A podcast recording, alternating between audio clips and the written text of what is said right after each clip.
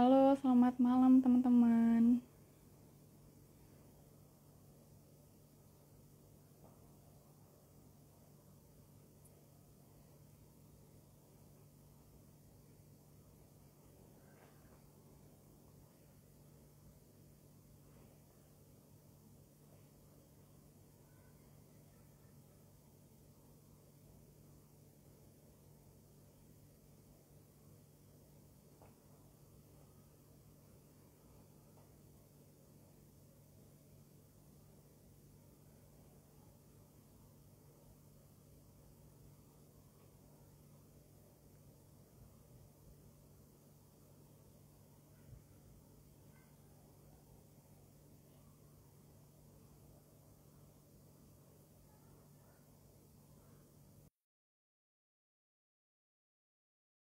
Malam semuanya. Halo Mbak. Halo, malam Mas. Malam Mbak. Oke. Ini mungkin kita nunggu bentar ya Mas ya biar lebih Oh, ramai. siap, siap. Siap, siap. Mas Haidar ini posisinya lagi di mana Mas? Saya posisinya lagi di Indonesia Mbak. Ah, di Bogor. Hmm, Ah, lagi pulang ya Mas berarti? iya, gara-gara di sana online terus, pulang kita. Oke, oke. Nah, ini Mbak udah mana, Mbak? rame nih Mas. Saya di Gresik, Mas. Oh, di Ya. Gresik. Oh, semen ya. Iya, bener banget. Oke, ini udah rame nih Mas. Iya, udah. Kita sapa dulu teman-teman. Halo semuanya, teman-teman. Selamat malam.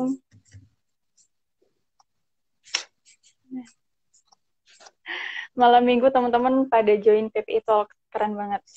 Oke, sebelumnya perkenalkan, aku Balkis Nabila, staf Dijen Mitra Nasional Kementerian Hubungan Luar BEM UNER 2021. Nah, di sini aku akan menemani teman-teman semua selama satu jam ke depan dalam hmm, PPI Talks Radio Series episode kedua. Nah, teman-teman di sini udah hadir bersama kita Mas Haidar. Selamat malam, Mas Haidar.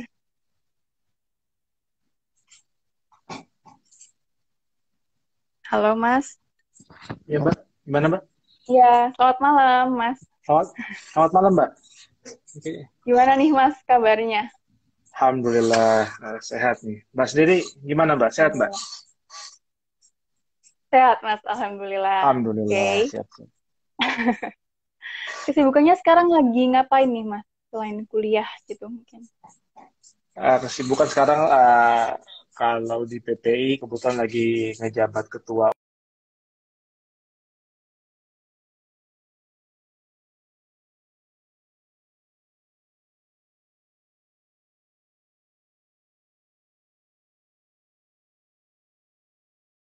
Halo.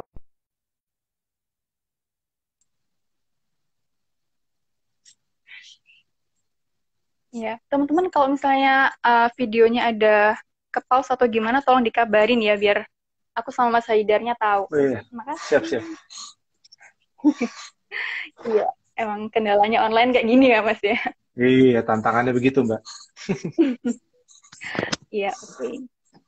Nah, sebelum kita mulai memasuki ke acara inti, mungkin aku akan bacain CV-nya dulu ya, Mas ya, biar teman-teman bisa lebih mengenal siapa sih materi kita pada malam hari ini. Nah, oke, teman-teman. Eh, pemateri kita pada malam hari ini yaitu Mas Muhammad Haidar Mohalisi atau biasa dipanggil Mas Haidar. Bener ya, Mas ya? Betul, Mbak. Betul, Mbak. Oke. Nah, Mas Haidar ini lahir pada tanggal 5 September 1998. Diingat ya, ntar ucapin HBD ya kalau Mas Haidar ulang tahun. Nah, Yang penting hadiahnya, Mbak. bener banget. Iya, iya bener. Nah, saat ini Mas Haidar sedang menempuh uh, Bachelor Stud- Bachelor of Engineering Civil di University Teknologi Malaysia. Nah, Mas Haidar ini asli Bogor ya, Mas ya? Bogor. Lahir besar, tinggal di Bogor. Mantap. Nah, untuk pengalaman organisasinya sendiri ini ini banyak banget teman-teman dan sangat keren. Aku mungkin akan bacain beberapa aja. Di sini ada hmm, seperti yang teman-teman tahu di poster kita, yaitu saat ini Mas Haida sedang menjabat sebagai Ketua PPI Malaysia. Selain itu, hmm, ini aku lihat ada um, Indonesia Student Association in Malaysia. Itu PPI ya Mas ya, maksudnya? PPI, ah. Ya. Terus ini juga ada Indonesian National Youth Committee itu yeah. sebagai member of Department of Student kayak gitu. Ah. Terus untuk voluntary komitenya itu ada banyak juga teman-teman dan ini keren-keren semua, sumpah. Emang materi kita parah sih. Biasa nah, di antaranya keren banget mas. Ini aku akan bacakan beberapa juga. Maaf ya teman-teman ada suara. Iya itulah ini sedang di rumah soalnya. Nah, itu di antaranya ada International Talk 1.0 sebagai program director, dan juga di ASEAN Youth Conference 2019 ini juga sebagai program director. Oke, okay. nggak lama-lama lagi, Mas, kita mungkin akan langsung masuk ke pembahasan. Nah, ini karena nggak bisa share PPT ya, Mas ya. Jadi mungkin kita antar sistemnya kayak talk show aja ya, Mas ya. Terus ntar di akhir sesi kita akan menjawab pertanyaan-pertanyaan dari teman-teman. Jadi teman-teman kalau ada pertanyaan yang ingin disampaikan boleh banget eh, ditaruh di kolom Q&A di bawah itu ada tanda tanya nah di situ. Oke. Okay. Siap, siap. Sekarang uh, nah Mas biasanya kalau misalnya di matkul di setiap awal kuliah itu kan pembahasannya latar belakang, sejarah kayak gitu. Jadi aku mau nanya nih ke Mas Haidar. Kenapa sih pada akhirnya memilih untuk berkuliah di Malaysia? Boleh Mas, silakan dijawab. Ya, kenapa berkuliah di Malaysia ya? Jadi uh, singkat cerita dulu pas kita zaman-zaman uh, eh, SNM tuh, SNM kita nggak lolos, SBM juga nggak lolos kan? Biasa kita kan. Habis itu kita coba uh, cari peluang yang lain kan, di mana kita kepengen uh, kuliah di tempat yang istilahnya kurang lebih uh, setara atau lebih bagus lah sama kampus-kampus di Indonesia waktu itu. Ke kebetulan saya waktu itu pas uh, SBM-nya pengen masuk ITB kan. Ini anak apa kayak itu kan idamannya anak-anak teknik kan masuk ITB gitu. Tapi karena apa namanya uh, ngejawab soal SBM-nya waktu itu setengah mati, akhirnya kita cari peluang lain gitu kan, sambil searching-searching di internet mana aja yang kira-kira uh, sesuai dengan budget, habis itu rankingnya di atas, fasilitasnya mumpuni, uh, apa, apa pengajarnya juga bagus. Nah itu waktu itu uh, jatuhnya di Malaysia dan salah uh, dan di University Teknologi Malaysia yang rankingnya sekarang tuh kurang lebih uh, 107, 180 atau 170-an ya, jauh di atas uh, universitas di Indonesia gitu kan. Dan harganya kurang lebih sama lah sama uh, PTN-PTN yang ada di Indonesia gitu. Jadi kenapa enggak ke Malaysia gitu kan karena apa budayanya pun kurang lebih sama, bahasa pun uh, bukan sebagai barrier. Jadi waktu itu saya pun memutuskan kuliah di Malaysia. Walaupun waktu itu sempat keterima juga di salah satu PTN di Bogor kan. Nah, jadi agak susah juga waktu itu menentukannya. Okay. Gitu mungkin, Mbak. Berarti sebenarnya um, bisa dibilang Malaysia ini bukan pilihan yang utama ya Mas sebenarnya awalnya. Bukan, bukan, bukan. Oke. Okay. Tapi endingnya oke okay banget ya Mas. Akhirnya kecemplungnya di Malaysia itu keren sih iya, Mas, sumpah. Iya. Karena masuk di Malaysia tuh gampang banget, Mbak. Gak ada tes. Hmm. Store nilai aja. Waktu itu zaman saya tuh rataan rapotnya 75. Nah, dengan yang dengan setingkat ITB itu kan luar biasa betul kan. Walaupun ketika masuk hmm. juga agak susah juga kan di dalamnya. Tidak segampang penerimaannya. Itu mungkin, Mbak. Iya. Nah, itu mungkin boleh nggak Mas diceritain lagi terkait dengan uh, penerimaannya itu seperti apa? Penerimaannya, uh, kal ya. kalau dulu uh, zaman saya ketika masuk itu uh, rata-rata universitas yang uh, publik sama private lah kurang lebih itu um, pendaftarannya itu hanya sekedar kayak setor nilai raport, setor nilai US, setor nilai UN yang sama setor IELTS ya, IELTS atau TOEFL tuh. Nah, seperti itu aja gitu. Dan uh, waktu itu kalau di UTM dulu sekitar 75 sampai 78 minimalnya, IELTS-nya sekitar uh, 5,5 minimal. Kalau kayak di kampus lain di UM itu uh, rapotnya harus 80-an ke atas dan seperti itu gitu. Walaupun uh, sekarang uh, katanya kabarnya sih udah ada uh, kelas uh, fondasi ya. Jadi fondasi ini kalau kita masuk ke Malaysia uh, di beberapa perguruan tinggi kita masuk kelas penyetar, penyetaraan dulu selama satu semester lah kurang lebih, baru kita masuk ke kelas kuliahnya gitu. Kalau zaman saya kita langsung masuk ke kelas kuliah, itu mbak. Hmm, berarti sistemnya hampir mirip ya mas sama kayak SNM-nya di Indonesia gitu ya, store nilai. Iya, yes, iya hampir sama, hampir sama. Hmm, oke okay, oke. Okay. Hmm. Ya. Itu, Mbak. Oke, nah terus nih Mas, waktu Mas Haidar udah kuliah nih di negara orang nih ya, pasti kan kayak banyak kan pasti lebih tinggi ya Mas ya kuliah di negara orang. Mungkin um,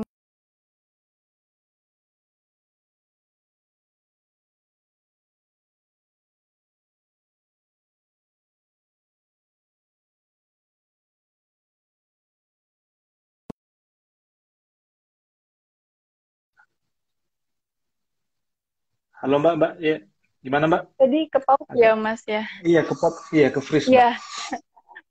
Oh. Tadi kan, um, oke waktu Mas Haidar nih udah mulai kuliah di Malaysia, iya, kuliah yeah, yeah. di negara orang, pasti kan tantangannya lebih tinggi lagi nih Mas daripada kita kalau misalnya kuliah di negara sendiri.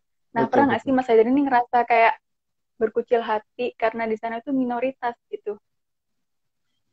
Oh, hmm. nggak juga sih sebenarnya kita kuliah di luar ini uh, nggak bukan kayak apa kayak kita merasa minoritas atau enggak ya. Cuman kayak tantangannya lebih gitu. Kita kayak nggak mau malu-maluin uh, Indonesia gitu kan. Jadi mm-hmm. apa ya ada ada ini ada semacam semangat tersendiri lah. Kan kita nggak mau juga terstigma bahwa oh, ini orang Indonesia nih misalkan nilainya jelek-jelek segala macam gitu kan. Apalagi kita tahu bahwa hubungan Malaysia kan banyak dinamikanya kan dengan kita kan Nah, yeah. ini kan artinya ada apa namanya ada pressure tersendiri dan untuk kitanya supaya uh, apa namanya supaya menghasilkan nilai yang bagus gitu kan supaya cepat beradaptasi dan sebagainya gitu. Itu sih mungkin yang saya rasa paling banyak sih apa paling mempengaruhi lah kalau masalah kalau lebih hampir sama. Itu Mbak. Oke. Okay. Nah, Mas di Malaysia sendiri uh, seberapa difasilitasi sih mas mahasiswa Indonesia di sana gitu?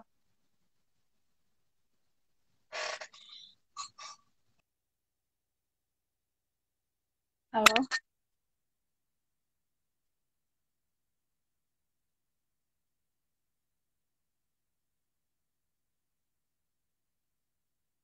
Halo?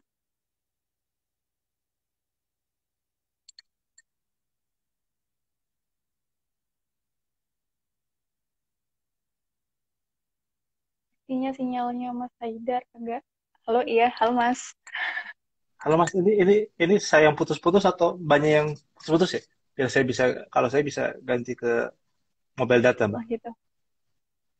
Uh, kalau tadi di saya Mas Haidar itu kayak buffering gitu. Mungkin teman-teman tadi gimana? Yang ah, pause kalau di saya, iya. Kalau di saya banyak yang buffering kan. susah online kayak gini ya Allah. Iya, nggak apa-apa itu dinamika ya supaya 10 tahun lagi kita bisa cerita kan, Mbak. Susahnya online-online. hmm. Kalau sekarang udah lancar belum, Mas? Sekarang udah lancar, Mbak. Ntar, ntar kalau misalkan ada jeda-jeda saya komen ya, Mbak.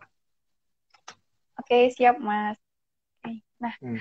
lanjut yang tadi ya, Mas ya seberapa yeah, yeah. difasilitasi ya seberapa sih di seberapa difasilitasi mahasiswa Indonesia di Malaysia mas?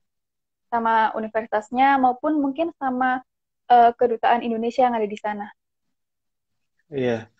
Kalau untuk uh, universitasnya saya mungkin uh, nggak nggak bisa bicara universitas yang lain mbak ya. Takut salah kan. Cuman uh, kalau di universitas saya sendiri itu sangat difasilitasi lah. Bagaimana apa contohnya kalau kami dari orang Indonesia sendiri, kita diberikan kesempatan untuk uh, membuat uh, International Student Society sendiri atau PPI-nya lah di di kampus sendiri. Habis itu diberi uh, diberi anggaran per tahunnya. Habis itu kita di diminta untuk membuat program sebanyak mungkin agar teman-teman bisa uh, apa istilahnya terangkul lah dan untuk untuk seperti itu untuk uh, masalah keorganisasian kampus itu sangat mendukung untuk gap skill kan. Apalagi uh, di sisi uh, akademiknya. Itu nggak ada segmentasi antara orang-orang uh, Indonesia dengan orang-orang non Indonesia gitu. Habis itu untuk uh, KBR kayak tadi Mbak tanya yang kedutaan ya, kedutaan uh, atau konsulat. Kalau kami kan di Johor kan uh, wilayah kerjanya kan konsulat jenderal RI Johor Baru. Itu mereka pun sangat mendukung lah, selalu mendukung apa aja program yang uh, teman-teman PPI uh, kerjakan. Habis itu kalau ada bantuan, uh, kalau ada kesulitan-kesulitan, mereka selalu bantu. Nah, kurang lebih seperti itulah. Uh, artinya mereka pun nggak lepas tangan bahwa walaupun kalian di luar negeri itu urusan kalian tuh enggak gitu. Mereka uh, istilahnya 24 jam siap siap membantu teman-teman mahasiswa lah. Seperti itu mungkin, Mbak. Oke, nah sekarang kita bakal bahas terkait kehidupan kuliah nih mas. Kalau misalnya di Indonesia kan, um, ntar itu bakal ada KKN, terus juga ini ada program baru, sebutannya sebenarnya nggak baru sih mas, cuma sebutannya aja yang diganti, itu namanya PKL, itu sebenarnya kayak magang gitu. Oh magang, terus juga ya, ntar ya, itu kan juga pasti, ya pasti ada skripsi. Nah, untuk uh, studi di Malaysia sendiri, apakah ada perbedaan mas terkait program perkuliahannya gitu? Iya, kalau di kampus saya mbak ya uh, itu kita KKN tuh nggak ada mbak kan kalau KKN itu kan kita ke kampung-kampung atau ke pelosok-pelosok mbak ya kalau nggak salah ya begitu ya kalau yeah. saya iya. lihat story IG teman-teman saya kan nah kalau di kami tuh uh, nggak ada seperti itu cuman kita ada uh, kayak semacam uh, service learning mbak service learning itu uh, dua SKS jadi kita kayak ada kalau di SMA tuh kan ada ekstrakurikuler ya. Ada main bola, main mm -hmm. apa segala macam. Nah, kita juga ada ada bola, ada uh, eh, IT, banyak lah ada sekitar 30-an yang sesuai dengan minat kita. Nah, di situ kan kalau kita SMA tuh kan kita di kita diajar ya, kita dapat Nah, kita di kalau di UTM itu uh, kita awal-awalnya diajar supaya kita nanti di ujung ujung acara itu di eh, di ujung programnya tuh kita bisa ngajari misalkan kayak uh, teman-teman SD di apa di SD di mana gitu atau SMP ya itu seperti itu. Kalau mungkin yang kaitannya dengan KKN nah, kalau uh, kita juga ada magang sendiri. Kalau di UTM itu ada dua tipe magang mbak. Yang satu ya fakultas di mana magangnya cuma tiga bulan kayak fakultas teknik, fakultas saya itu magangnya tiga bulan, dia di semester pendek antara uh, tahun 3 dan tahun 4. Ada juga yang magangnya itu enam bulan, Mbak. Jadi satu semester full. Itu kayak hmm. uh, jurusan-jurusan uh, sosial, uh, itu mereka magangnya di semester terakhir, semester 8. Ini mereka uh, sudah magang setelah mereka menyelesaikan uh, final year project-nya atau uh, apa namanya skripsinya gitu. Gitu, Mbak. Okay. menarik banget ya Mas. Ternyata ada sedikit perbedaan di antara iya. antara perkuliahan di Indonesia dan di Malaysia. Oke. Okay. Nah, Mas, um, mungkin ini juga menjadi banyak pertanyaan teman-teman terkait beasiswa, Mas. Nah, um. ya mungkin Mas Haidar bisa sharing mungkin uh, biasanya beasiswa apa sih yang bisa diambil oleh teman-teman yang ingin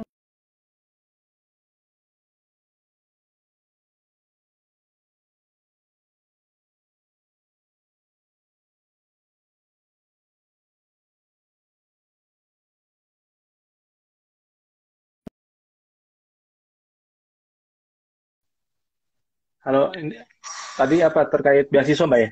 Yang ada di Malaysia ya? Hmm, iya Mas. Iya benar ya. banget. Oke, kalau beasiswa sendiri uh, untuk yang undergraduate atau S1 tuh uh, nggak banyak lah, uh, hampir sangat sedikit lah ya. Maksud yang untuk publiknya, kalau private-nya saya uh, agak lupa juga, tapi nggak sebanyak yang postgraduate, Mbak. Nah, kalau yang postgraduate atau S2 S3 tuh ada uh, banyak adalah uh, beasiswa salah satu wakil wakil ketua kami itu di TPIM uh, beliau juga penerima beasiswa dari kampusnya uh, di salah satu kampus uh, private di Malaysia. Itu beasiswanya uh, dapat apa namanya pokoknya dibayar semua lah gitu kan. Habis itu ada beasiswa kemarin kita baru ada masuk juga beasiswa dari CRK CRK uh, di di UPM tuh kalau nggak salah. Nah, cuman di Malaysia sendiri dia lebih banyak uh, kayak jadi kayak bukan semacam beasiswa gitu mbak dia dapat grant gitu jadi kalau ada uh, periset-periset yang dapat grant atau dana riset yang besar dari misalkan dari pemerintah dari kampusnya, dia pasti bakal uh, mengeluarkan atau bakal mencari kira-kira uh, mahasiswa yang mau lanjut S2 tapi sambil bantu riset dia gitu. Nah, itu hmm. itu banyak banget, Mbak. Kayak di UTM itu hampir semua, bukan hampir semua ya, mungkin banyak sekali teman-teman uh, yang postgraduate itu yang kuliah di UTM itu uh, dari dari apa research grant grant itu mbak. Jadi di Malaysia sendiri itu uh, yang postgraduate-nya itu ada tiga tipe mbak.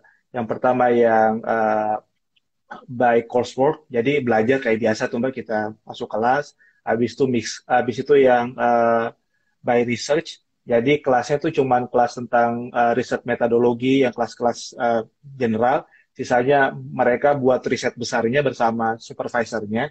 Nah, yang yang tipe yang kedua ini yang by riset ini biasanya mereka di men, apa mereka uh, mendapatkan grant bantuan dari supervisornya gitu. Karena supervisornya itu punya uh, dapat bantuan dari pemerintah Malaysia yang kadang-kadang besar mungkin bisa sampai 1 2 M. Jadi mereka per bulan bisa digaji gitu. Tapi uh, sistemnya ya bukan beasiswa ya jatuhnya gitu.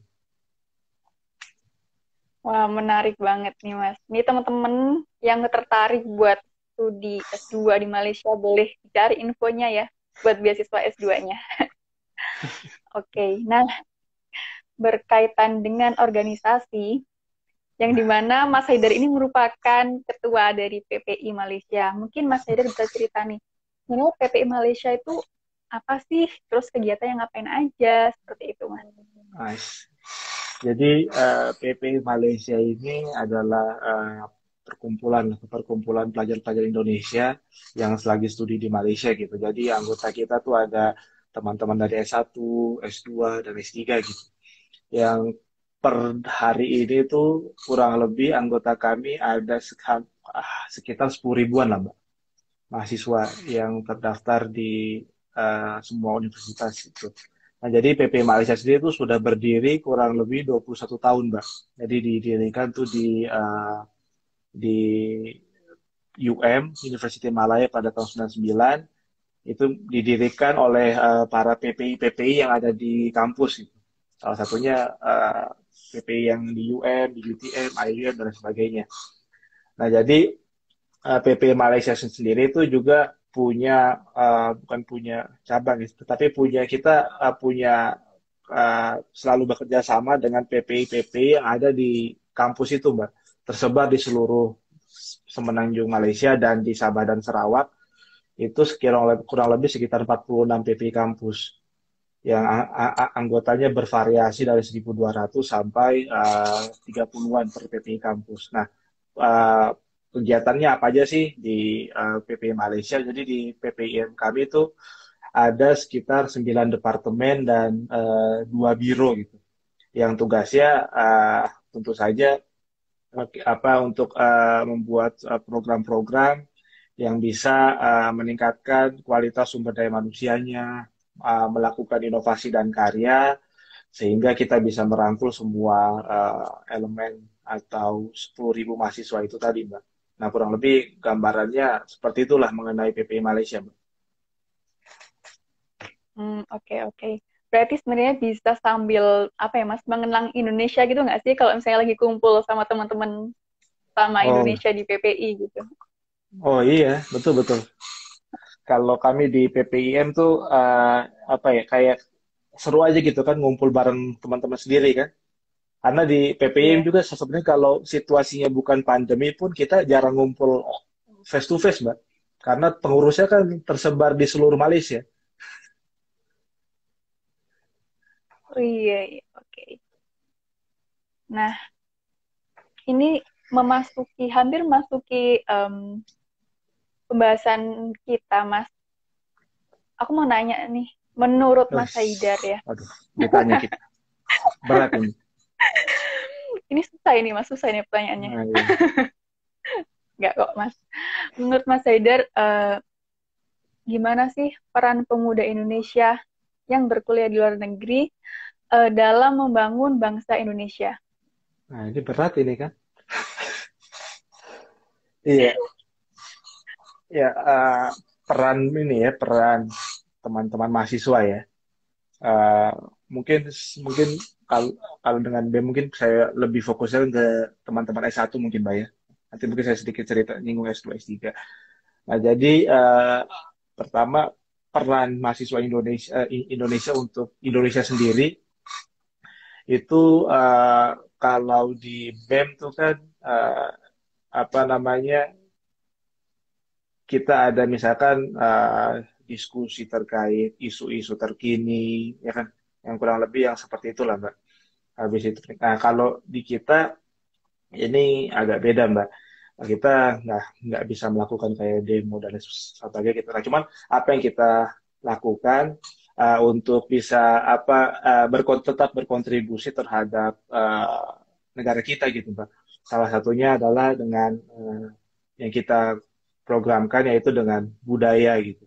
Jadi kita uh, sering uh, melakukan kegiatan-kegiatan yang sifatnya uh, mempromosikan budaya kita gitu. Bukan kami aja, bukan BP Malaysia aja, banyak PP-PP kampus yang membuat acara serupa gitu. Karena kan di Malaysia sendiri kan termasuk ke, di kampus-kampusnya itu banyak mahasiswa internasional non Malaysia, Mbak. Itu banyak sekali dan makanya sangat beragam uh, sehingga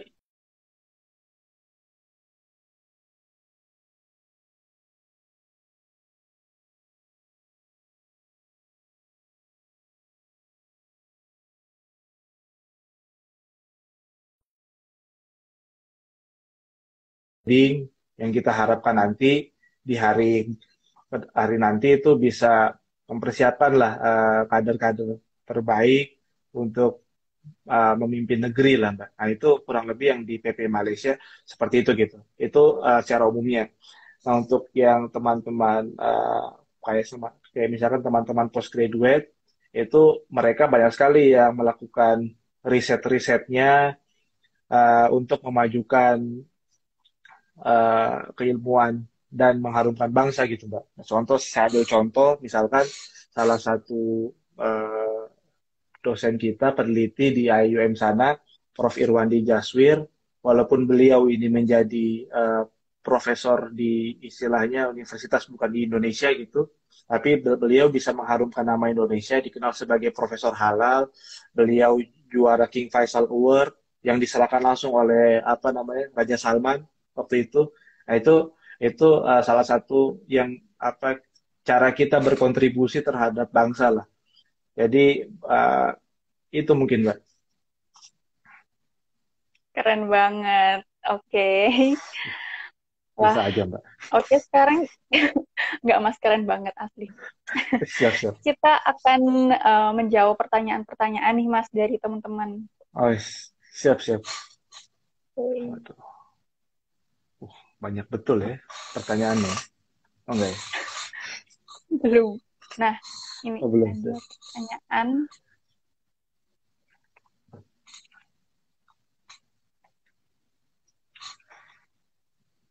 Pertanyaannya, selesai kuarantin wajib kan ada kuaran kuarantin mandiri. Nah, itu udah bisa keluar-keluar nggak sih selama karantina mandiri? Ini maksudnya ketika di Malaysia ya. Mungkin um, kalau misalnya dari Malaysia ke Indonesia seperti itu, Mas. Bisa ceritakan nggak kemarin? Dari Indonesia ke Malaysia gitu, Mbak? Mm, iya. Hmm, man, apa kalau karantina mandi wajib ya. Uh, di sana kayaknya uh, udah nggak ada karantina mandiri kayaknya ya. Setahu saya ya, karena uh, apa namanya banyak kasus tuh uh, ini mungkin saya ambil contoh orang-orang yang traveling ya. Traveling dari luar masuk ke Malaysia atau dari Sabah Sarawak sana masuk ke Malaysia. Uh, yang dari Sabah Sarawak dulu diminta karantina mandiri tapi uh, banyaklah orang yang bandel. Jadinya uh, apa namanya dan ketahuan juga. Nah itu harus karantina wajib kurang lebih tujuh hari lah ya tujuh sampai sepuluh hari tergantung dengan uh, kondisi dan prasyarat. Habis itu kalau sudah beres karantina itu udah setahu saya udah uh, bebas mbak ya. Nah jadi udah boleh uh, boleh mana-mana lah kurang lebih seperti itu. Oke, okay. aku mau nanya nih mas. Aduh. Um, aku kan Gersi ya mas ya. Enggak enggak. Oh, enggak. Aku kan Gersi kuliah di Surabaya. Itu tuh kayak aku awal-awal tuh bener bener homesick parah Padahal kan kayak Gresik Surabaya itu apa sih gitu loh Mas cuma 30 menit aja. Nah, Mas Haidar dari Bogor deket, ke Malaysia. Hmm. Deket banget kalau kereta sama Surabaya. Mas Haidar dari Bogor ke Malaysia itu kan jauh banget. Nah, kalau menurut yeah. Mas Haidar gimana sih cara mengatasi homesick ketika uh, kita berkuliah di luar negeri? Homesick ya? Ya, kalau saya sendiri ya, kalau saya sendiri kan uh, saya pertama biar nggak homesick banget lah gitu kan. Ya saya suka nelfon orang tua tuh hampir sering mungkin hampir tiap hari lah mungkin kan. Entah sama bapak sama ibu entah mungkin cuman nelfon paling cuma dua semenit gitu kan. Nggak nggak lama-lama lah cuma untuk nanya kabar segala macam nah itu salah satu juga gitu. Atau kita kan udah ada uh, video call sekarang kan kadang-kadang kita pakai video call gitu tapi itu itu yang pertama. Nah yang kedua kalau situasi normal tuh saya mungkin termasuk orang yang sering pulang, mbak. Maksudnya pulang kalau tiap ada libur seminggu ya. Jadi kan di hmm. Malaysia ini kan kita ada ada libur tengah semester, mbak, seminggu. Nah nggak tahu kalau di Unair ada nggak, mbak? Bukan nggak ada, nggak ada, mas, nggak ada libur. Nah, iya, nggak ada. Nggak ada Langsung ya. kuliah lagi nah. habis UTS. Jadi kami di Malaysia sini kita pekan kuliahnya ini 14 minggu, Mbak. Nah, itu di pekan ke-8 atau ke-7 biasanya libur satu minggu, Mbak. Terserah, ngapain, nggak ada tugas, nggak ada punya libur aja. Nah, satu minggu itu. Nah, itu saya termasuk orang yang selalu balik. Saya kan biasa kalau di Johor itu kan uh, Jumat Sabtu libur tuh. Uh, masuknya kan minggu. Saya biasa Kamis kelas sore, saya langsung habis beres kelas langsung ke bandara tuh. Biasanya ambil pesawat paling terakhir ke Jakarta kan. Baru baliknya tuh hari Sabtu supaya minggunya bisa masuk kelas lagi gitu. Nah, dan saya juga sering balik karena tiketnya kan nggak mahal mbak. Pulang pergi kadang-kadang PP cuman nggak kadang-kadang nggak nyampe satu juta lah gitu. Waktu itu kan. Nah yang seperti itu apalagi kalau teman-teman saya yang di Batam kan. Itu kan tinggal naik speed aja tuh mereka. Kayak Surabaya Gresik lah gitu kan. Jauhnya kan coba lewat laut aja gitu. Nah okay, uh, okay. itu itu sih lah kalau saya mbak ya kalau kenapa gak hoax. Dan juga kan karena banyak orang Indonesia banyak uh, pekerja dari Indo pekerja Indonesia juga kan banyak di sana. Kayak di kantin-kantin saya itu kan pekerja kalau ditanya asalnya dari mana? Surabaya gitu. Uh Surabaya ya? Oh, asal dari mana? Dari Medan gitu. Jadi kita kayak di kayak nggak jauh gitu kan Nah, mungkin pesawat saya dari Johor ke Jakarta lebih cepat daripada saya dari Jakarta ke Bogor, Mbak. Macet soalnya. Jakarta Bogor. Bener-bener. Nah, ini ada pertanyaan masuk lagi nih, Mas. Apa tuh pertanyaannya? susah-susah. Aduh, susah-susah nih kayaknya. Dengan total anggota sekitar 10.000 mahasiswa, bagaimana Mas Haidar membagi waktu antara organisasi dengan kuliah? Wah, menariknya iya. pertanyaannya, Mas. Ini wakil saya nih, Mbak. Beliau Halo, nih. Mas. Iya. Beliau S2 nih, S2 dan dapat beasiswa beliau nih. Ini orang hebat lah beliau nih. nah, jadi banget. ini ya, bagi tugas, Mbak ya.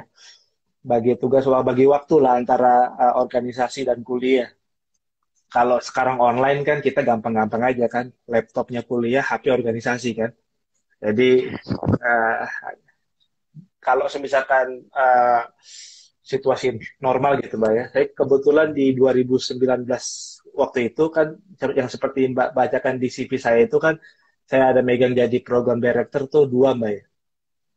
Nah iya, dan di dan itu tuh uh, apa namanya uh, di semester itu saya masih gitu SKS saya itu ada 18 18 itu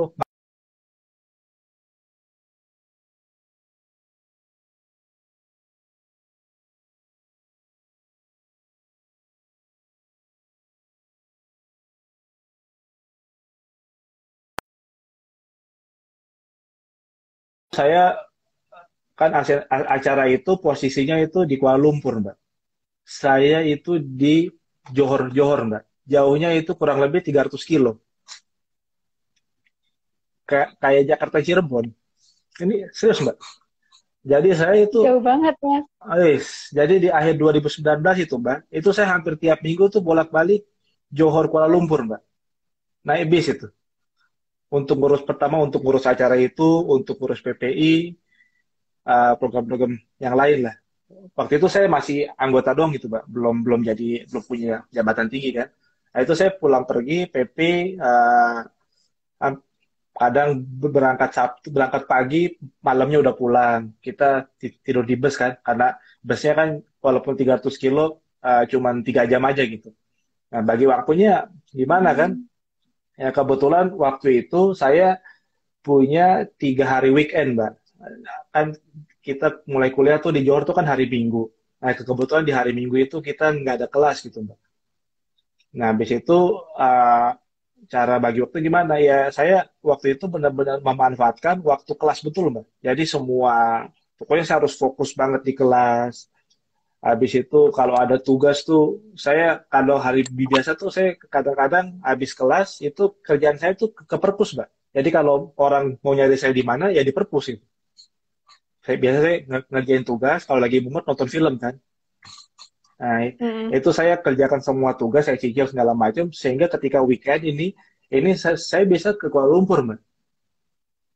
Nah, waktu itu. Dan alhamdulillah eh, dengan situasi yang sehektik itu uh, nilainya sih lumayan lah mbak ya ya walaupun agak terpengaruh tapi uh, masih lumayan lah masih lumayan dalam artian uh, di atas tiga lebih lah gitu itu itu cara bagi waktu saya seperti itu mbak Hmm, Oke, okay. berarti tetap kuliah nomor satu ya Mas ya. Jadi tugas-tugas kuliah semuanya dirampungin dulu.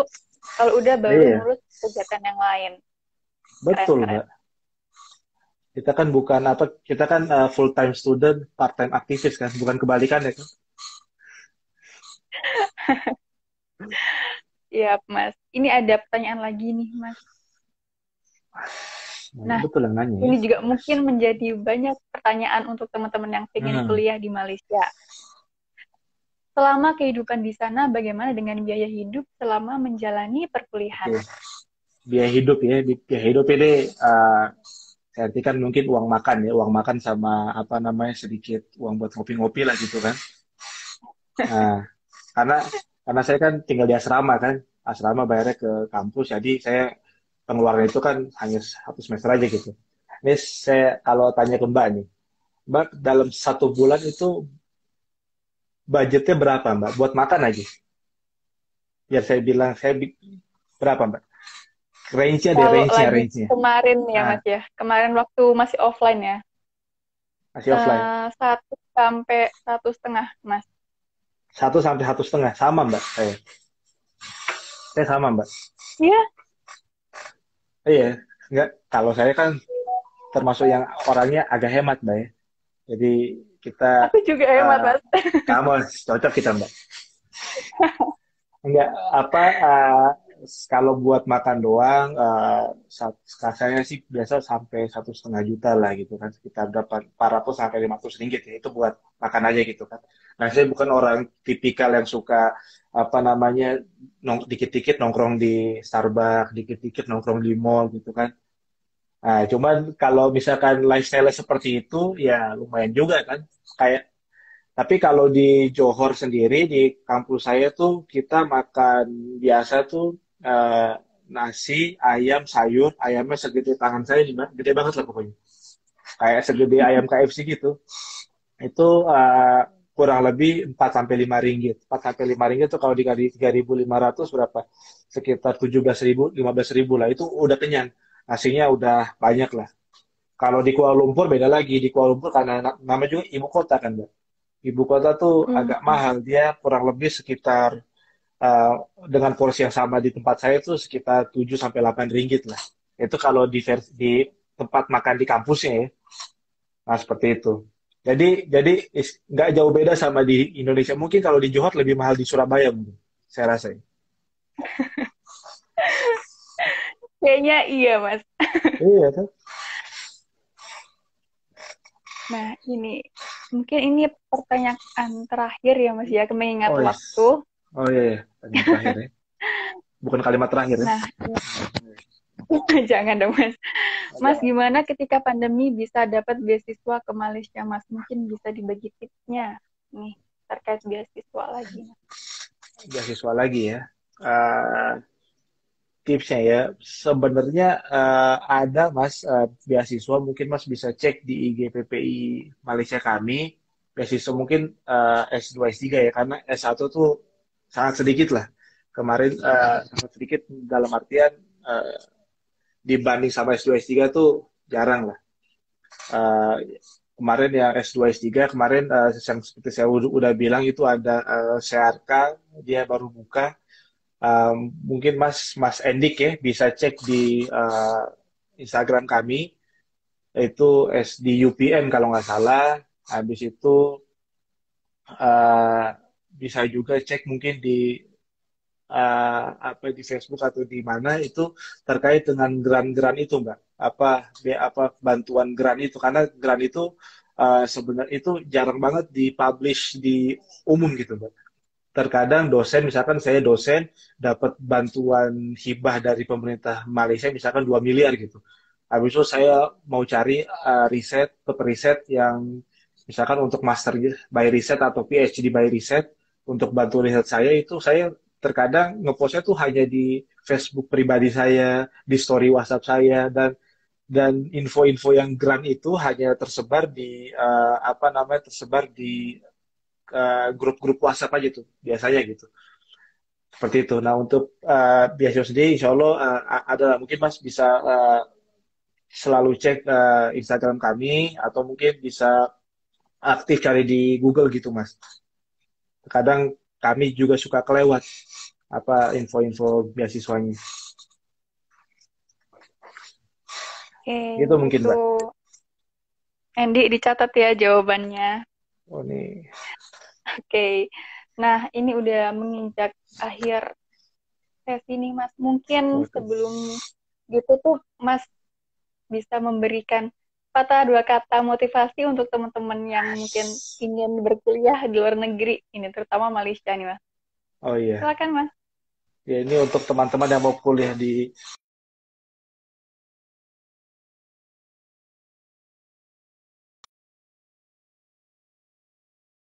karena misalkan apa nggak apa minder lah gitu kan. Pokoknya kita kuliah kalau saya sendiri di Malaysia kuliah di sana itu uh, lingkungannya itu sangat mendukung, tidak ada saling menjatuhkan, sangat dia saling bau membau seperti itu gitu. Nah untuk uh, apa cara masuknya gimana segala macam, itulah kekurangan orang Indonesia mbak. Itu harus saya akuin mbak. Itu karena kita kadang-kadang apa males searching di Google gitu mbak. Semuanya ada, semuanya prosesnya di sana. Nah, itu mungkin teman-teman bisa coba pakai Google lah dengan sebaik mungkin sehingga kita bisa tahu uh, bagaimana pendaftarannya, bagaimana cara masuknya, yang sebenarnya itu sangat gampang, sangat mudah. Seperti itu. Pokoknya isinya uh, tetap semangat, walaupun kalian mau kuliah di mana pun, insya Allah sama aja lah. Kalau saya gitu sih. Itu mungkin, Mbak. Oke. Terima kasih banyak Mas Haidar atas waktunya. Ilmunya sangat bermanfaat banget buat teman-teman dan juga buat aku pribadi. Uh, sukses terus untuk Mas Haidar. Semoga kuliahnya lancar. Juga PPI-nya juga semoga lancar terus. Uh, aku Bagus Nabila, mohon maaf apabila ada salah kata dan perbuatan. Uh, terima kasih juga untuk teman-teman yang udah join PPI Talk uh, Radio Series episode kedua kali ini. Teman-teman harus terus pantengin uh, Instagram BEM UNER untuk mengikuti episode-episode selanjutnya. Nah, mungkin Mas Haidar boleh di-drop Instagramnya supaya mungkin kalau teman-teman mau nanya-nanya lagi gitu, Mas. Di Instagram apa nih? Instagramnya Instagram Mas Haidar mungkin kalau Oh iya. Harus harus di-follow hmm, nih. Nah, udah follow saya belum, Mbak? Sudah, Mas. oh, belum saya follow back ya? Aduh, harus saya follow back habis ini. Nah, ini Mbak. Ya, mungkin. Nah, itu teman-teman. Kalau mau tanya-tanya lagi, bisa DM Mas Haidar. Boleh ya, Mas, ya, nanya-nanya? Boleh, boleh, boleh, boleh. Kita tunggu okay. pertanyaan. Oke, okay. thank you Mbak okay, Balkis. Terima kasih. Ya. Sama-sama, Mas. Terima kasih juga. Terima kasih. Waalaikumsalam. Terima kasih, teman-teman.